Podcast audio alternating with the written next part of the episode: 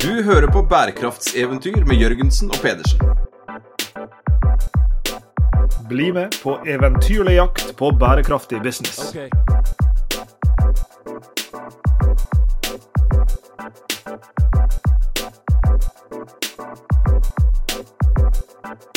Det er jo sånn Sveinung, at av og til så må vi ut av de deilige plysjsofaene i Bærekraftseventyrstudioet og ut i felten og få uh, skitne hender. Men vi har aldri sittet eh, på et så mykt teppe som vi gjør nå.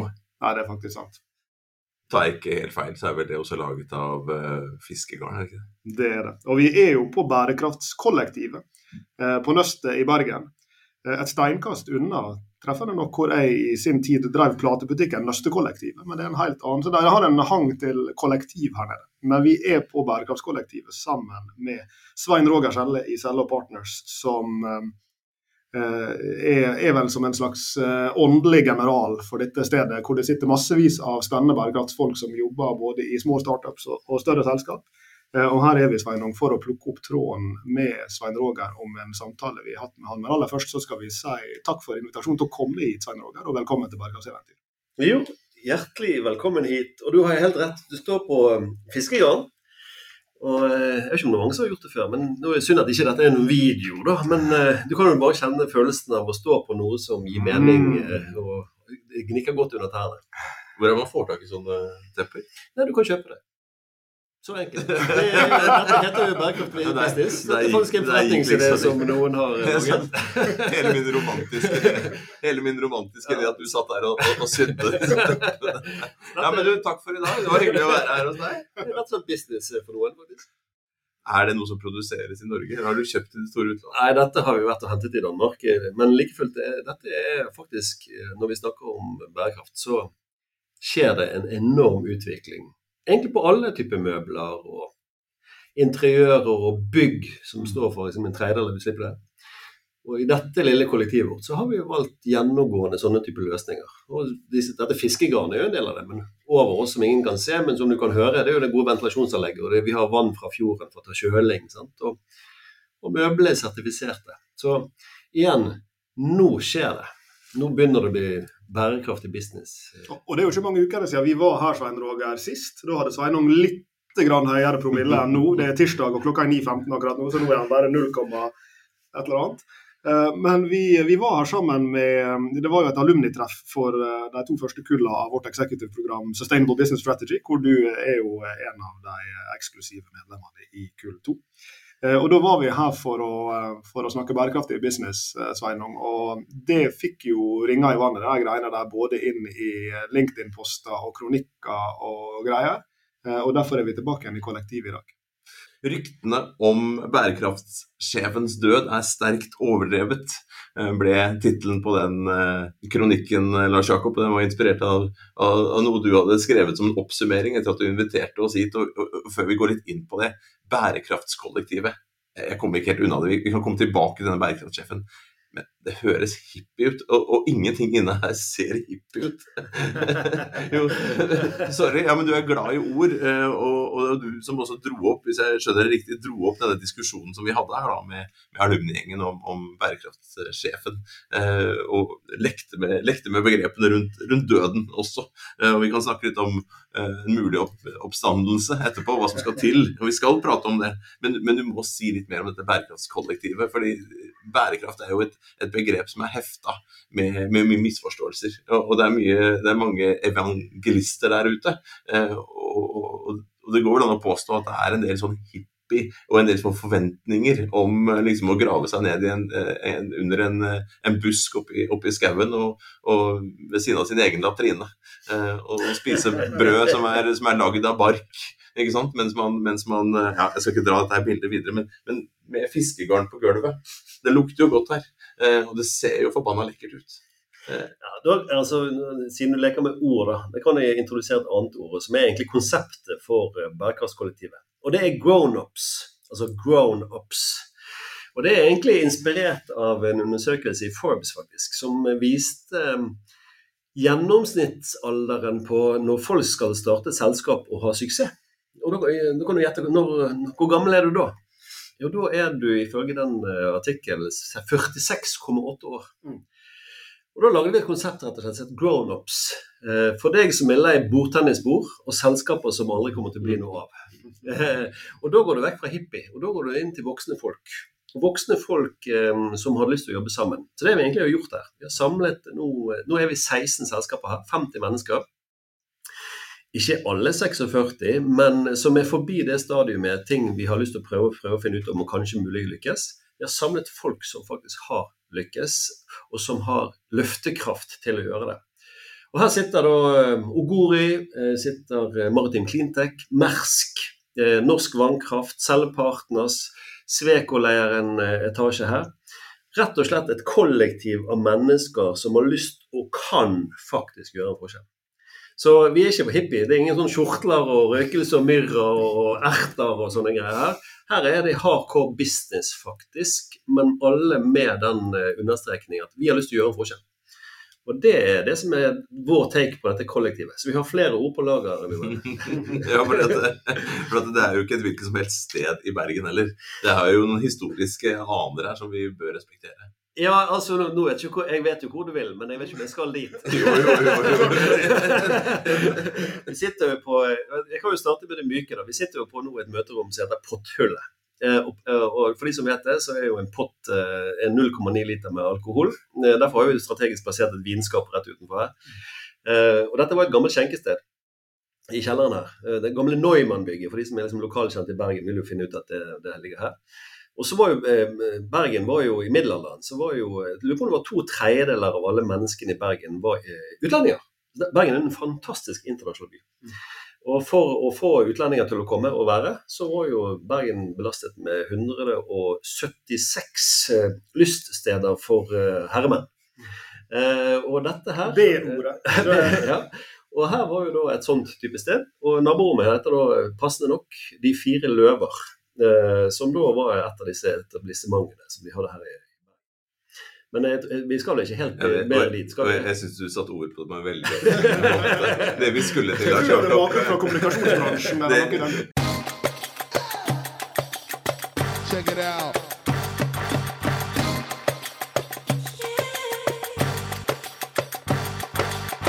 Det vi, det vi, skulle til, og det du prøvde, Lars Jakob, det var jo å dra opp en, en seriøs diskusjon om bærekraftsjefens eh, eventuelle død. Ja, noe så, eh, noe så, voksent som det. Han kunne jo ha avlitt en tidlig død på et av disse etablissementene som vi snakker om. Jeg vet ikke om bærekraftsjefen ender opp der, men, men, i alle fall så eh, Du stilte jo det spørsmålet her, Svein Roger. Det var du som, det var du som bydde opp til dans for å diskutere det, og det ble jo en liten sånn Eh, panelsamtale som ikke var en panelsamtale, inne, i, inne på kollektivet her med alle disse executive-deltakerne fra fjorårets årets gull i Sustainable Business Strategy. Så folk som var liksom over gjennomsnittlig både kompetente på bærekraftig business og også har kalde følelser rundt det. Noen av dem er bærekraftsjefer, noen av dem har vært det og, og har gitt det opp.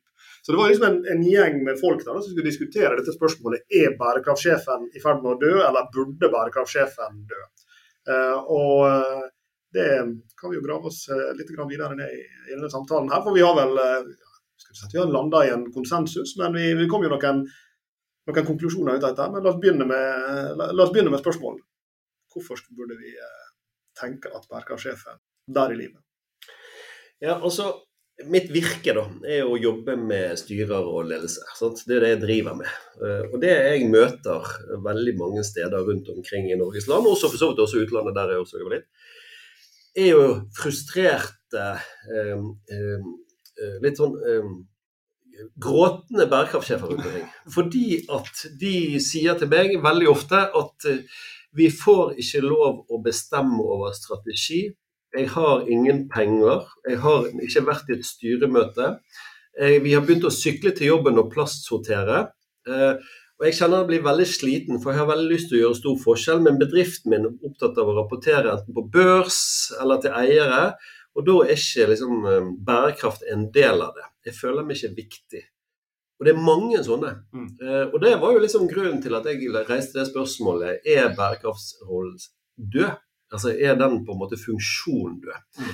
Og det avstedkommer jo litt uh, fres i debatten når vi hadde her. Det var jo Folk løp ut på gulvet frem og tilbake. Så det, jo, det ble jo litt uh, Fres i manesjen, som de sier her. Det, det du be- beskriver, den funksjonen, vil jo noen kanskje si at, det, at den har litt sånn uh, Funksjonshemming er det jo ingen som har lenger, for det, det, det har vi slutta å si. Men funksjonsnedsettelser, det er jo det riktige termen, eh, tror jeg, i, i våre dager. Og, og det du beskriver her, er jo en, en bærekraftssjef med funksjonsnedsettelser.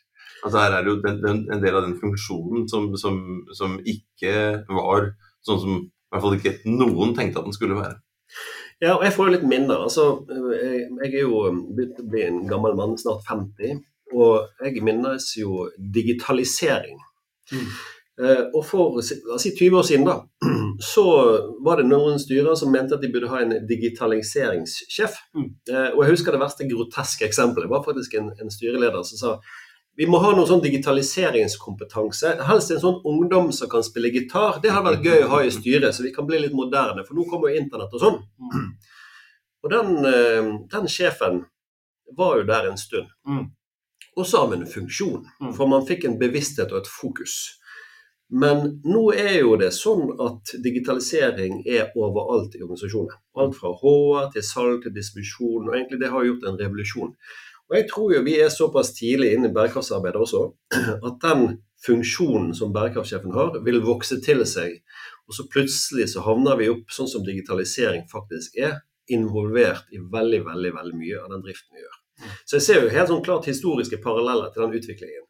Eh, Men akkurat nå så står vi jeg tror vi står ved akkurat sånn tipping point. Og jeg har jo forstått at det skrives litt artikler her om dette, og, det er noen som setter dette på agendaen også ganske nylig, har jeg forstått. Mm. Ja, og det skal vi komme til. Og, dette har jo vært diskutert lenge. Eh, Sveinung og jeg har en god venn på, på Berkeley i California som heter Robert Strand. Eh, Han skrev en artikkel allerede i 2013 som, som heter må sitere her, 'The Chief Officer of Corporate Social Responsibility', som jeg kalte det den gangen. A study of its presence in top management team. Så da gjorde han en sammenligning den gangen av um, USA, hvor han bor, og Skandinavia, som han er veldig interessert i, og, og så på da framveksten av denne rolla. Eh, og, og det stemmer jo sånn ganske bra med, med liksom husken vår på et vis. Jeg husker når, når jeg studerte på NHH for, for eh, mange år siden, så var det på den tida der jeg ikke hadde sviktende hårfeste. Eh, da eh, hadde vi en sånn frustrert eh, heter ikke bærekraftsjef den gangen. Han var antageligvis en slags sånn leder for samfunnsansvar i et av de store norske konsernene, som virka ekte frustrert. Så frustrert faktisk at han hadde sagt opp jobben sin like før han holdt den gjestforelesninga. Og det, det kunne jo du høre på. Eh, Og Den gangen var jo dette et ganske sjeldent fenomen. Og så, akkurat som Robert eh, kartla da i denne artikkelen sin i 2013, eh, så vokste jo det fram inn på 2010-tallet. Altså, Du, du begynte å få ganske mange av disse rollene her. Og Sveinung og jeg skrev jo om dette, tror jeg, allerede i vår første bok, 'Ansvarlig og lønnsom'. Eh, Dette med de ulike rolletitlene og endringer av dem over tid. Eh, Jeg husker veldig godt, Vi brukte vel eksempelet med hun som var i Storebrand, som hvis jeg husker rett heter Stina Billinger. Som var den første jeg vet om som hadde eh, tittelen bærekraftstrateg. Altså med andre ord bærekraft kobla til strategi, ikke bare til noe sånn ha ansvaret for ansvaret på, på bakrommet. ikke sant? Eh, og så gradvis har vi fått denne CSO-rolla. Eh, og, så, er det interessant å, å følge utviklinga i den, både som, som du er inne på, eh, Svein Roger, med parallellen til digitalisering, som kanskje nå er blitt litt sånn fullt ut distribuert. Den teknologiske delen av det har CTO-en ansvaret for, og den litt sånn strategiske delen har strategidirektøren på en måte tatt ansvaret for. Og, og kanskje er det jo det vi ser med, med bærekraftsjefen også over tid, at, at den rolla vil bli, eh, vil bli distribuert inn i de andre rollene. Eh, Jeg tror selv at det er en god stund til, for jeg tror ikke vi har kontroll på dette dyret ennå. Eh, Men dette er jo en spennende greie å, å, eh, følge. Og dette Sveinung, er jo noe som vi har diskutert i mange år. Dette spørsmålet om ja, det er liksom, hvem skal ha denne rolla? Hvor i organisasjonen skal du plassere denne personen? Hva er det de skal få lov til å drive med og ikke drive med? Og veldig mye annet. Jeg vet ikke om disse personene spiller gitar, apropos den digitaliserte, men, men vi la vel merke til det i noen år at disse bærekraftsjefene var relativt unge. Mm. At de kom seg inn i en eh, ledende stilling eh, uten så mye erfaring. Eh, det var kanskje ikke så mange der ute som hadde verken entusiasme for eller kunnskap om det, så man så seg nødt til å hente ut litt yngre folk. Men spørsmålet jeg har tenkt mange ganger, og så har vi fulgt litt karrierene til, til noen av dem, og, og tenkt at de har vært der ganske kort tid. Før de har funnet et annet beite. Eh, Gjerne blitt konsulenter etterpå. Eh, Så de har kommet inn i store virksomheter, fått en, en god tittel. eh, Men det er jo ikke sikkert at de har den tyngden over tid. For det tar jo litt tid å bygge seg opp en, en kompetanse også sånn praktisk sett i en virksomhet. Eller om de hadde hatt makt bak det de har gjort. Eh, har, de, har, de, vært der, eh, om ikke til pynt, så har de, har de fått en for, for stor rolle eh, for tidlig, men ikke en rolle da, som er bekledd med, med jo, ansvar, men, men, ikke myndighet. Det er klart at Spørsmålet er jo egentlig altså, Stiller vi riktig spørsmål? Mm. Det er jo et viktig poeng. Altså. Er bærekraftssjefens rolle død? Eh, burde vi kanskje se det på en litt annen måte? Er det det som er problemet, altså denne rollen? Mm. Eller er det faktisk det at det er på tide for norske virksomheter å gjøre lage en bærekraftig strategi, og ikke en bærekraftstrategi. For det er jo hovedpoenget her. For det er klart at Hvis vi definerer det som en rollediskusjon, så er det ett poeng. Men jeg tror jo, eller det jeg ser når jeg jobber med folk, det er jo at den viktigste endringen du kan få til, det er at faktisk en virksomhet kan lage en bærekraftig strategi. Og da er rollediskusjonen litt sånn annerledes. Mm. Da plutselig får da bærekraftsjefen liksom en annen posisjon, en annen funksjon i dette her. Men da, kommer, da flyver han inn hele diskusjonen på å si at vi må faktisk endre virksomheten vår. Vi må ikke bare lage en liten sånn bærekraftig strategi, eller en, en bærekraftstrategi, men en bærekraftig forretningsstrategi. Som involverer hele virksomheten. Rett for parallell til den digitaliseringen som, som, du var inne på. Mm. Så jeg tror jo det her er det vi ser den største utviklingen. Fordi at skal norske, norske virksomheter endre seg, så må vi bort fra å lage disse rapportene. Vi må inn i det gode, gamle NHH-språket, som jeg kjenner i alle fall, med å lage gode strategier. Så dette burde jo være Ta utdanningsinstitusjonene. BI, høyskolene, handelshøyskolene bør jo få bærekraft inn, bærekraft inn i alle strategifagene sine fortere enn fortest for å få dette på agendaen. Da er det, rollediskusjonen litt annerledes, tror jeg.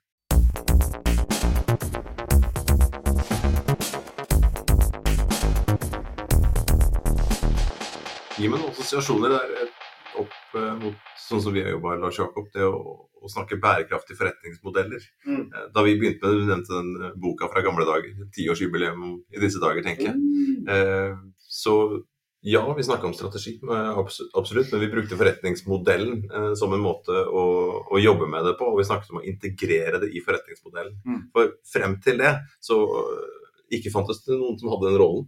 Eh, ikke fantes det bærekraftsdiskusjoner på et høyt nivå i, i virksomheten, uansett hvilke roller som, som, som fantes. Eh, og vi opplevde, og har også data på, at mange av de såkalte bærekraftstiltakene eller samfunnsansvarstiltakene ikke nødvendigvis var knyttet til kjernen. Det var ikke knyttet til produktene eller hvordan de ble levert, det var ikke knytta til, til, til, hele verdikjeden og, og, og, hvordan de ansatte ble behandlet i den. Eh, jeg sier ikke at alt var galt, det var mye som var bra også da, eh, men det var ikke knyttet til og integrert inn i kjernevirksomheten. Og gjennom forretningsmodellen eh, så prøvde vi i hvert fall da, ikke bare vi, men andre også, å knytte det nærmere inn i strategien. Så vårt kurs på, på masteremnet vårt på NHO heter jo da 'Bærekraftige forretningsmodeller'. Eh, ikke for at vi mener at eh, det finnes et bibliotek av fiks ferdig utforma bærekraftige forretningsmodeller som kan brukes, men at de må utvikles og innoveres. Og det er jo veldig tett knytta opp til strategien. Hvor er det du står nå? Hva er det du ønsker å oppnå, og hvordan i all verden er det du skal Eh, komme deg nærmere eh, dette målet enn det du er i dag. Og da må det inn i det du kaller strategien her, eller, eller sånn som vi har primært jobba med Lars Jakob, som mm. bærekraftige forretningsmodeller. Altså må inn i produktene, inn i tjenestene. Vi må tenke sirkulært på, på, på nye måter. Vi må tenke verdikapring på nye måter. Ikke bare lønnsomhet for, for virksomhetene, men også skape uh, verdi for andre, det vi kaller interessenter. Og så må vi også sørge for at de andre interessentene får noe igjen for det. Og Kanskje jeg kan få følge opp da, Svein Roger, med å uh, mate tilbake igjen til deg dine egne ord. Fordi uh, når uh, Proseccoen hadde for, fordunsta Nei, jeg er veldig dårlig på Jeg tok ingen naturfag på Nei, det, det, er et eller annet som skjer med Prosecco når du drikker den. Du sa jo at jeg var rimelig edru, men du, du, har jo drukket i hvert fall én pott med Prosecco før dette. 0,9 liter.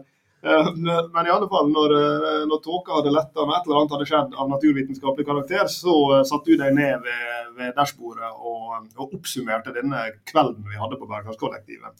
Og oppsummerte det som denne gjengen med kompetente bærekraftsfolk hadde meint. Og altså, Jeg syns du liksom destillerte det bra. Nå skal jeg slutte med alkoholmetaforene. Og begynne med fotball. Og du oppsummerte de i fem punkt. Det som du mente var en slags sånn emergent kunnskap som eh, kom ut av denne samtalen. Og, den første var jo det som du var inne på nå. Eh, altså Nummer én, bærekraft må inn i forretningsstrategiene. Dette er ikke et valgfag. Det var din første konklusjon. og Den har vi jo nå snakka litt om. Eh, Så skal jeg dra de, de siste fire her, fordi at eh, de, de, beveger, eller de, de beveger oss inn i, i andre ting å snakke om her. Du har vært inne på dette nummer to. CEO og styre er ansvarlig for at bedriften utvikler seg i en bærekraftig retning og implementerer dette. Og Du var inne på disse styremedlemmene som vil ha sånne unge gitarister inn i En ting er inn i styret, men en annen ting er jo inn i virksomheten. Nummer tre. eh, Dette har jo vært eh, mitt og Sveinung sitt eh, sånn, poeng i veldig mange år. Vi skrev om det i denne boka i 2013. Skal du ha en bærekraftsjef, så må det følge nummer én beslutningsmakt og nummer to ressurser med den rolla. Altså, med andre ord, du må få lov til å bestemme over noe, og du er nødt til å bli gitt noen ressurser som gjør at du kan påvirke det du bestemmer over. Hvis ikke, skriver du, er det fånyttes. Eh, nummer fire, bærekraftsledelse er et fagområde som må utvikles og prioriteres. Her er det fristende å nikke til den eh, rapporten som kom i går. Så dere dette kompetanseutvalget som hadde, hadde um, konkludert med at Norge har et kompetansegap på grønn omstilling på alle nivå. var vel sånn roughly overskriften der. Og nummer fem, dette er et ungt fag, og kunnskapsnivået hos norske bedrifter må økes raskt og betydelig. og Det henger jo sammen med, det samme. Og Her er vi jo inne på mange ting. da. Denne forankringa på toppen, men distribueringa ut. Hvis denne rolla skal være der, så må den bety noe. Den må kunne påvirke på noe slags vis. Og det vil kreve at vi blir flinkere på disse greiene her. Ja, jeg, når det gjelder akkurat dette med forankring på toppen, så jeg, jeg er veldig opptatt av jeg er, Sannsynligvis det jeg er mest opptatt av, faktisk. Fordi at jeg ser at de altså Dette var jo litt vår oppgave. Vi har jo skrevet en oppgave på kurset. Mm. eh, Og vi letet jo etter eh, da Oppgaven het jo 'Jakten på aha-øyeblikk'. Hva er det som kjennetegner virksomheter som ser ut til å lykkes? Altså uten å dokumentere den ned. Og det som var interessant der, det var jo å se hva er det som gjør altså hvordan, hva, er det, hva er det folk har skjønt når de skal drive bærekraftig omstilling, og hva er det de faktisk gjør når de skal drive bærekraftig omstilling? Mm. Finnes det noen sånn fellesnevnere på det? Og Det vi klarte liksom å studere oss frem til, da, det var en liksom, vitenskapelig øvelse, så, så ser vi jo det at topplederen eller ledelsen, og det kun utelukkende ledere vi snakket med, fortalte jeg må endre meg. Mm. Jeg må gjøre noe dramatisk annerledes. Og sammenfallende så var det ikke sånn at de begynte å si nei, nå skal vi lage en rapport og ansette en bærekraftsjef. Det var ikke de første de tenkte på. De begynte å tenke sånn Oi, vi må drive forretningen vår på en annen måte i morgen enn det vi gjorde i går. Mm. Og det er jo interessant. For det betyr da at eh, funksjonen til liksom den som er leder, eller den som har skjønt denne at de må omstille seg, er jo helt sentralt sentral viktig. Og hvis Mm. ikke vedkommende da har noe beslutningsmakt, eller har noe å bestemme, da skjer det jo absolutt ingenting. Mm. Og jeg syns det var et fenomenalt interessant funn, akkurat det der greiene. Fordi at det gjør jo at hvis en virksomhet forstår at de må gjøre noe annerledes, så gjør de noe fundamentalt annerledes. Og det er det som kjennetegner alle disse virksomhetene som faktisk har kommet i gang. Og da er ikke det det første de gjør. Det sånn, La oss starte med en eh, bærekraftsjef, og så driver vi og sorterer litt plast og litt sånne ting. Og Det syns jeg, det, det synes jeg er en nyttig innsikt, faktisk. eh, Og faktisk enda mer overraskende enn vi hadde, hadde trodd. Og, og i til den oppgaven, da, som kanskje noen lyttere får glede av å lese senere også, det er at poenget var at alle kunne definere i tid og sted, og hvilket rom de var, for når de hadde sitt såkalte aha-øyeblikk. Mm. Jeg forsto at vi måtte endre oss når vi møtte ESG-teamet, som var større enn DD-teamet når vi skulle hente kapital. Da Eller vi kommer til å dø hvis ikke vi endrer oss. Eller rammebetingelsene endrer seg så fort at nå må vi faktisk endre oss. Og Det syns jeg, en, det, det synes jeg, det, det synes jeg er en nyttig innsikt. Og Da kommer vi tilbake til dette med roller. sant? At hvem er det faktisk som må faktisk dra dette toget? Og det toget må trekkes av CO og styret med et mandat. Det gjelder eierskapsavdelingen i, i staten, for den saks skyld. Men det betyr at de som legger premissene, må faktisk gi føringene. Og så kommer faller brikkene på plass. Dette er en av mine fanesaker når jeg holder enten innlegg eller foredrag eller vi har workshops. det er faktisk den kapteinen på båten. Jeg liker jo seiling, som dere vet. Det er kapteinen som på båten som må sette kurs. Og så får mannskapet å, å, å, å gjøre jobben for å komme dit. Vi diskuterte litt før sendinga her at uh, Norge har de mest klimaskeptiske menneskene. Jeg vet ikke om det er på jorden, om alle sammen er testa, men vi kommer høyt opp på lista. Uh, og du, du bemerker at det betyr jo da statistisk sett at vi også har de mest klimaskeptiske ansatte. Jeg tenker på disse matrosene dine om bord. Hvis kapteinen setter en kurs her, Eh, hvor mye makt har nedover i, systemet hvis matrosene ikke En ting er å gjøre opprør, en annen ting er å være sløve. Ja, dette er veldig interessant. For altså, Jeg er jo som sagt seiler, og mytteri er jo ingen som liker. Sant? Og jeg har jo sånn at jeg skal på ferie med mine barn, da blir jo det kaos. sant? For skal vi dit eller dit, og noen vil dit, og noen vil dit. Litt sånn er det i norsk bedrift òg. Og, og jeg nevnte en, jeg har gleden av å kjenne Pål Lorentzen, som var initiativtaker til Klimastiftelsen i sin tid. Og Han sa at han hadde møtt Tony Blair i England, og han sa det at det er ikke politikerne som faktisk kan endre eller gjøre oss bærekraftige. Fordi at de lever under et kortsiktig regime. Altså I Norge så er det jo Det går tre år, så skal de drive valgkamp. Så de har effektivt tre år å drive endring på. Det er for kortsiktig. Det er kortsiktig tenkt. Ergo så må næringslivet inn. Men så samtidig så vet vi at Norge, det er vel vi og Saudi-Arabia, tror jeg, som er mest, kanskje den mest klimaskeptiske befolkningen i verden. Hva har vi til felles, Monty? Ja, det er pussig nok. Vi er steinrike, selvfølgelig. Men det betyr også at hvis vi er en klimaskeptisk befolkning, så betyr det at vi har også en enormt klimaskeptisk andel ansatte. Og Hvis du da skal endre en hel haug med klimaskeptiske ansatte, som ikke gjør dette hjemme, eller som har liksom skjønt eller kjent disse endringene på kroppen. Eller kanskje ikke nå, for nå blir det varmt. Det er varmt i Oslo. Sant? Det blir over 30 grader, og det blir varmt til og med Bergen. Sant? Det har jo aldri skjedd før. Da, før vi kjenner det skikkelig på kroppen, så er det vanskelig å endre. Og stakkars, stakkars en bærekraftsjef som skal stå alene, som er 32 år da, som ikke har myndighet, ikke har ansvar, ikke er forankret i toppen, og skal gjøre den endringen. Det er litt dårlig gjort, syns jeg faktisk. Og Det er vel ikke bare matrosene som er klimaskeptikere her, det vil jo også være en del kapteiner? Nei. Og det er kapteinen som, som, er den førende. Og her er vi tilbake til dette punktet dine med alder. Mm. Altså kunnskap. Eh, dette er et ungt fag. Vi er vel kull to. Mm -hmm. Jeg trodde vi begynte med på Induc i 2016 med å snakke om eh, bærekraft i det hele tatt. Sånn at dette her faget er, er ungt. Og det betyr det sitter norske næringslivsledere all masse med for liten kunnskap. Mm. De har for lite trening i å jobbe med dette. Og vi har, Apropos dette kompetansegapet du beskrev, Lars Jakob. Det er et stort kompetansegap. Mm. Og Det tror jeg faktisk at mange er veldig usikre. og Derfor er det lett å bli blendet av unge og, og, og noen som kommer inn, og den nye vinen, og de unge sant, som alle skal bestemme alt. Men husk, 46 år, som vi var inne på i sted, det, det krever litt grå hår for å gjøre store endringer. Dette er jo vondt å snakke om. Her sitter vi liksom tre hvite menn som pusher både 40 og 50 og, og, og snakker, ned, snakker ned ungdommen her. Altså. Det, jeg kjenner det gjør litt vondt i, i, magen. Jeg håper mange ungdommer reagerer på dette. Men men jeg tror faktisk at eh, det er mange av de som jeg, jeg, håper vi snakker til bærekraftsjefen der ute. Og jeg, tror, jeg håper at noen eh, kjenner seg igjen. Mm. Eller jeg tror mange faktisk kjenner seg igjen og, og, og, er glad for at dere reiser denne debatten, faktisk. Mm. At vi tar den problemstillingen. Jeg har, lyst til å, lyst til å slå et lite slag eh, igjen for denne, denne, sjefen og denne rolla. Fordi det er interessant i, i lys av denne samtalen vi har nå med, med kaptein, og sette kursen og alt det der. Um, så er det jo sånn, vi, vi må vel tenke her at, at her er nok antageligvis forskjell på store virksomheter og små. Eh, altså skal du, skal du lede et Norsk Hydro eller et Equinor kontra en, en, en, liten startup, eller for den del en, en helt vanlig SMB, um, så er det sikkert lettere å liksom stå på dekk og rope til uh, dekksgutten der borte på en liten båt enn på en kjempestor uh, tang. Ja, den maritime metaforen. De kan jeg drite i, for de kommer uansett ikke, til å fly. Um, så, så la oss gå en annen vei. Eh, men, men liksom det store kontra det lille, det er åpenbart at der må det være noen forskjeller. Og, men så tror jeg det er andre faktorer som spiller inn her også. Noen bedrifter er veldig regulerte. Må levere på, altså Tenk på en bank for eksempel, da, som skal levere på en hel, helt sett av parametere mot finanstilsyn og mot ditt og datt. De skal levere på taksonomi og you name it.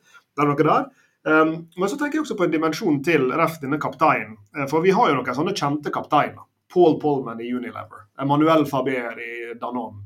Eh, sånne liksom bærekraftsledestjerner på et vis, som, som har tatt en sånn der, stått fremst på som Kate Winslet framme på Titanic med armene ut, liksom, og, og vært bærekraftsgallionsfigur. Eh, og så skjer det jo noe interessant når disse lederne kanskje velger å eh, gå av. Eller kanskje i noen tilfeller, som i han uh, Faber sitt uh, tilfelle, blir dytta over bord. Jeg klarer ikke å slutte med summative likevel. Uh, han ble jo tuppa ut, og, det som styret oppga som begrunnelse, var jo at det, altså, Parafrasert, det ble for mye bærekraft. Altså det ble too much.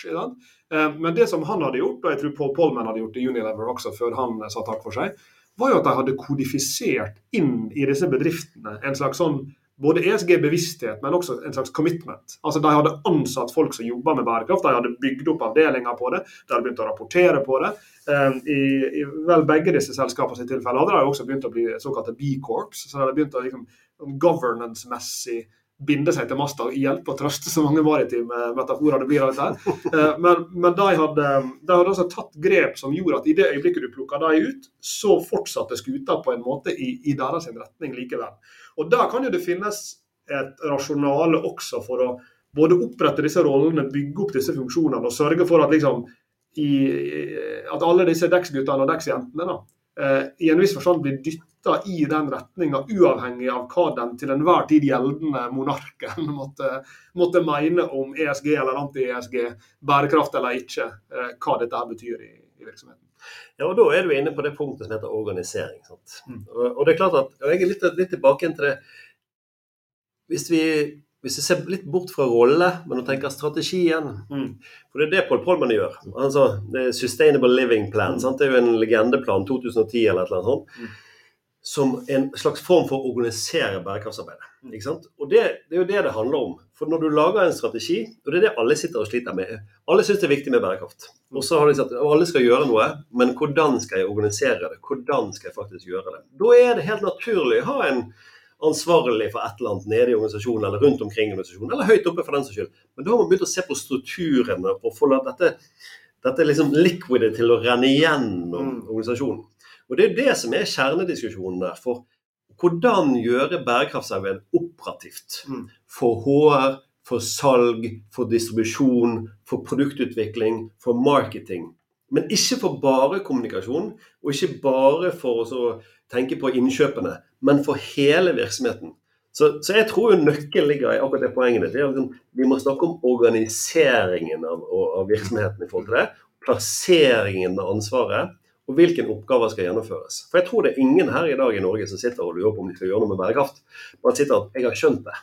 Mange sitter og lurer på sånn hva i all verden skal jeg gjøre? Hvordan skal jeg få dette? Og hva skal jeg gjøre som virker? Hvordan skal jeg tjene penger på dette? Så jeg tror liksom, Vi er inne på liksom kjernediskusjonen her nå. det er liksom Hvordan skal vi sørge for at vi får dette operativt til å skje? Mm. Og Husk på i Norge så finnes det 396 000 små og mellomstore bedrifter, altså definert under ti personer. Mm. Altså de aller, aller fleste, skal ikke tale helt nøyaktig, men de aller, aller fleste bedrifter er små i Norge. Mm. Det er flott med store avdelinger og masse mm. greier, men de aller, aller fleste sitter og tenker på det. Jeg må bli bærekraftig. Banken kommer til å spørre meg hvis jeg skal få et grønt lån. Forsikringsselskapet det samme. Hva gjør jeg, liksom? Eller jeg har lyst til å tjene penger på det. Jeg har lyst til å vinne anbud. Men da er vi tilbake til organiseringen. og Jeg synes Denne diskusjonen vi er inne på nå, er jo det som er det folk, de store, de, de, som, de, som, de som har skjønt det, jobber jo med organiseringen. Og tilbake til vår lille analyse i oppgaven vår. De begynte å se på hvordan skal vi implementere dette i bedriften. Så jeg tror liksom den rollediskusjonen versus strategidiskusjonen er veldig veldig interessant, faktisk. Um, og Det kommer jo akkurat en Harvard-artikkel som du nevnte, også, som, det, som, aktualiserer dette temaet. Så Det er mange som tenker de samme tankene som oss.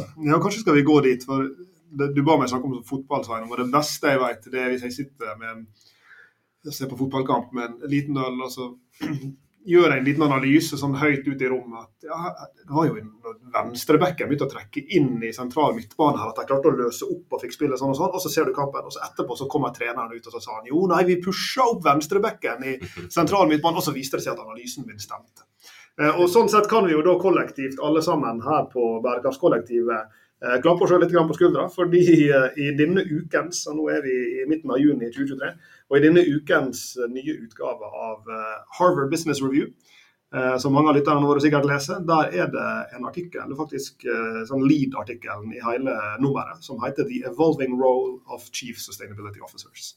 Eh, og Det er jo skrevet av en gammel kjenning på bærekraftig businessfeltet, Bob Eccles som, fra Harvard, som, eh, som vi snakka om i denne bærekraftseventyrserien før, eh, sammen med ei dame på eh, NYU som heter Alison Taylor. Eh, og De har da sett på, på denne rolla, sett på forskninga på det, og, og ja, jevnt over skrevet en veldig interessant artikkel om temaet, som jeg anbefaler alle. Vi kan linke til den i de såkalte show notes.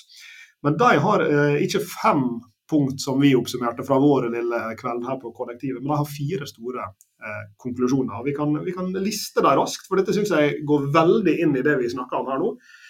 Det første punktet det er liksom opplest og vedtatt i denne samtalen allerede.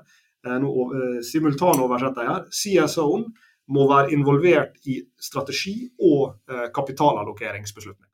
Ok, check. Det vi, vi snakker om, og jeg tror denne kapitalbiten her er den interessant. Um, nummer to den er, den er interessant som, som, punkt, men den er spesielt interessant når du leser hva de skriver. Eh, for det andre punktet er at uh, bærekraftsjefen må være mer fokusert på og realistisk til, eller realistisk rundt, uh, interaksjoner med interessenter. Og Det som de har løfta fram, er litt interessant i lys av Freia-boikotten som går akkurat nå i uh, går sin gang over Norge as we speak. For det er jo et sånt spørsmål som gikk i går 12.6 ble det da, så var det, avisene var jo fulle av dette spørsmålet burde, eh, burde en ha boikotta Freia, eller var dette her overilt? Ikke sant? Eh, fordi ja, Plutselig må en da også boikotte Pepsi og Ringnes, og så var det en lang lang, lang, lang liste med andre bedrifter som hvis du mente at prinsipielt burde du gjøre dette, så burde du boikotte alle de også. Kunne det plutselig bli tomme butikkhyller, muligens. Uh, og Jeg tar ikke stilling til om det er rett eller galt å boikotte Freia, men liksom, det er spørsmålet. Uh, og, Det som Eccles og, Taylor diskuterer, er at eh, CSO-en faktisk kan, som er mye tettere på interessentene, det er det vedkommende skal drive med, um, kan ha et mer sånn sobert forhold til når er det riktig å reagere, og når skal vi tåle å stå i den støyen. At her er det en interessent som gjorde at de lager masse bråk, men det riktige er likevel å sitte stille i båten og ikke respondere.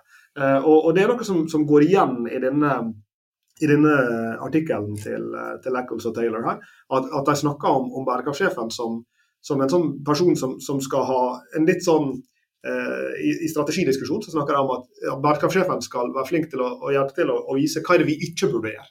Ikke så mye hva burde vi gjøre, men hva er det vi burde styre unna. Det er ene poenget her. Eh, og så det her med realistisk eh, stakeholder Eh, så det kan dere få kommentere på. Men jeg kan kjapt si de to neste. Nummer tre Vær fully engaged with investors. Dette var jo du inne på i stad, Svein Roger, med, med disse ESG-teamene og sånn. Og så til slutt da et punkt som vi også har understreka. De må ha tilstrekkelig med ressurser ja, på ene sida, og på den andre sida ekspertise gjennom hele organisasjonen. Og Dette er jo vakkert samstemt med våre konklusjoner fra denne fuktige kvelden vår. Hei, og la oss, jeg, jeg synes det, La oss ta et tema som kanskje ikke vi har snakket om, som heter eh, så mye som heter interessenter, eller stakeholdere. For det er klart at hvis du oversetter um, bærekraftspråk, som da heter vesentlighetsanalyse, som mange gjør, uh, sant? så er jo ikke det noe nytt heller. Altså, jeg har jo en fortid fra, fra ulike byråer som har jobbet med stake-analyser. Jeg, jeg, tror vi lagde min første for 25 år siden. Altså Stake-analyser. Hva sier omverdenen om oss? Den klassiske øvelsen 'vi synes om oss selv', 'de synes om oss', og de mener vi burde gjøre, og vi vil gjøre. Det er verdens enkleste modell. Og Det betyr jo at en sånn type lyttepost som eh, tar samfunnet på pulsen, og som forstår hvilke samfunnsendringer som, som påvirker oss, er jo helt avgjørende for et selskap. Og Det heter jo da i vesentlig sammenheng altså dynamisk eh, mm. vesentlighet, eller ting som kan komme opp som sånne røde flagg, eller ting som kan dukke opp sånn plutselig. Og det er klart En sånn interaksjon med stakeholderne våre, om det heter en investor, om det heter mm. myndigheter, eller influenser, eller om det er eh, land, eller hva det måtte være, så er det en helt sånn samfunnskritisk rolle akkurat nå, eller en bedriftskritisk rolle nå, fordi at ting skjer så fort. Jeg tror ikke Freya satt her for to uker siden og tenkte sånn Oi, lurer på om vi får et totalstopp i salget vårt om to uker. Det skjer så fort. Mm. Og Da må man ha kanskje store ører. Eller kanskje Freya burde tenkt sånn Oi, vi er faktisk involvert i noe drift her borte. Og kanskje dette er en ganske stor risiko for oss. Mm. Fordi at ESG og bærekraft er så på, på tappene. Så kanskje man kan stille spørsmål til Freya. Hva har dere tenkt egentlig Mm. når dere gjorde dette her?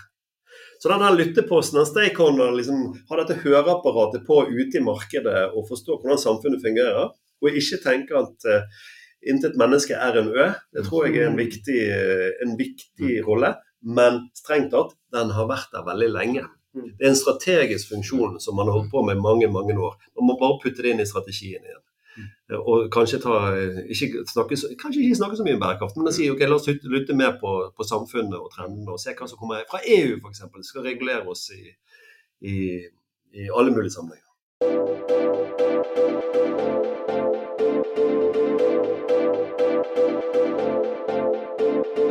Vi har vært inne på mange ting her, fra kapteiner til matroser til politikere. og Du nevner EU her, og det er jo vel politikere bak der som over tid har lagd reguleringer og, og regler som påvirker også bedriftene. og Noen ganger så går bedriftene foran, andre ganger så er det, så er det politikerne som i større grad går, går foran. Og så snakker vi om dette er et store begrepet strategi. Da.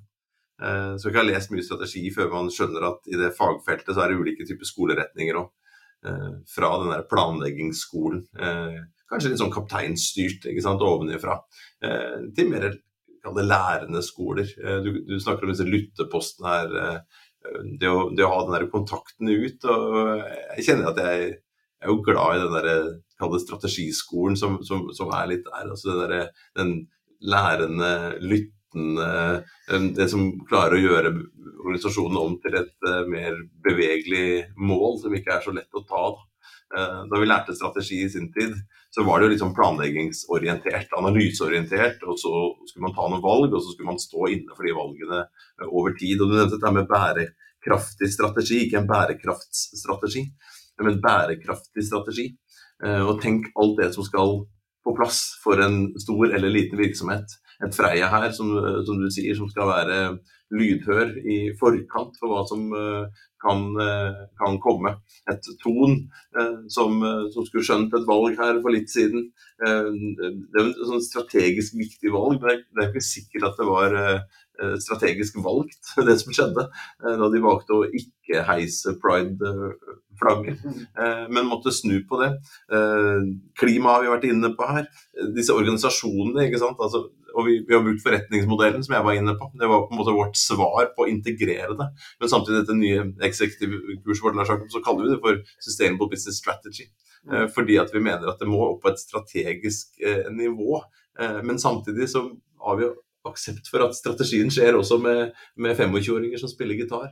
Altså, så, der, så, så, så, så vi snakker om mange ting her, og det er ikke så lett å på en måte ja, gjøre det begripelig og håndfast.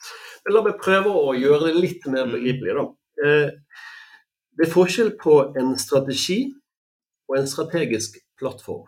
Og Det diskuterer jeg mye med ledere rundt omkring. Fordi at en strategi betyr jo at jeg har bestemt meg hvor jeg skal, og jeg skal navigere frem til det målet. Altså strategere. sant? Jeg skal fra A til B. Det er jo måten du skal komme dit på.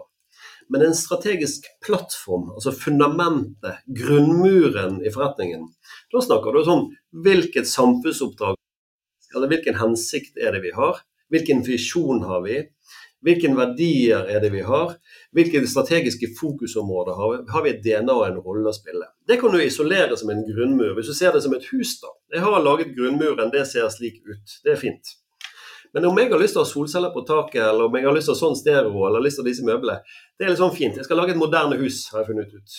Det er målet mitt. Og så skal jeg fylle det med masse innhold. Sånn forklarer jeg veldig enkelt en strategisk plattform. Og Hvis du oversetter dette til bedriftsspråk, så er jo dette vel dokumentert. For det at man sier at okay, de som er styrt av et tydelig samfunnsoppdrag, eh, har et tydelig verdisett, de står godt gjennom stormen. Mm. Altså alle mann på dekk når det blåser, for å ta en metafor da. Vi skal frem uansett, eller det er lov hvis noen sier nei, så stopper båten.